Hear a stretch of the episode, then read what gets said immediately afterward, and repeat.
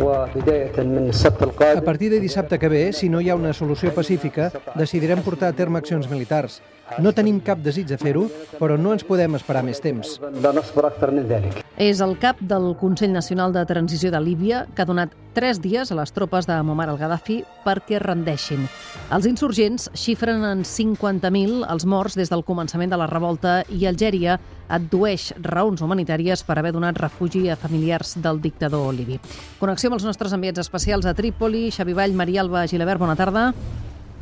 Hola, bé, bona tarda des de la plaça dels Màrtirs. L'antiga plaça Verda, no?, si no ho dic malament.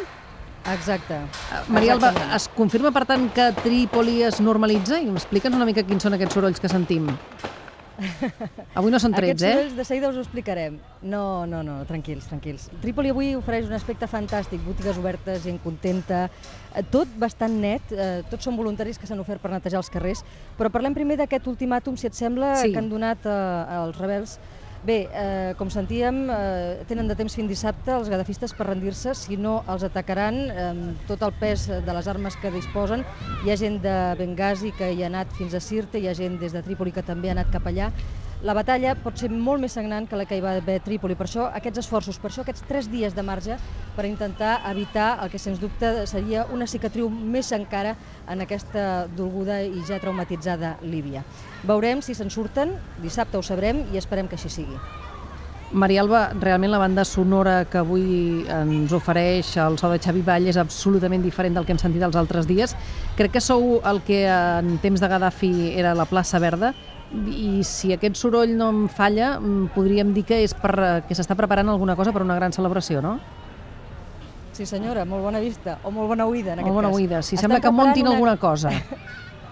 Sí, estan preparant una gran festa que començarà a les 10 de la nit. Nosaltres som ara mateix a l'escenari. Estan preparant uns rètols per advertir a la gent que, sobretot, no dispari trets. Ahir mateix, en una d'aquestes celebracions tan típiques dels països àrabs, un nano de 16 anys que estava posat en una grua per tenir una bona visió de la plaça va resultar mort. Eh, hem parlat amb el responsable del comitè organitzador, Isham Krekshi, que ens explicava això precisament de les normes que estan donant perquè la gent no dispari. Well, we try to stop that, but it's very Intentem que no ho facin, però és molt difícil perquè és la manera que tenen d'expressar les seves emocions, la victòria, i dir-li a Gaddafi que estem aquí. Per això disparen al cel. És més emocional que una altra cosa. És molt difícil controlar la gent i evitar-ho.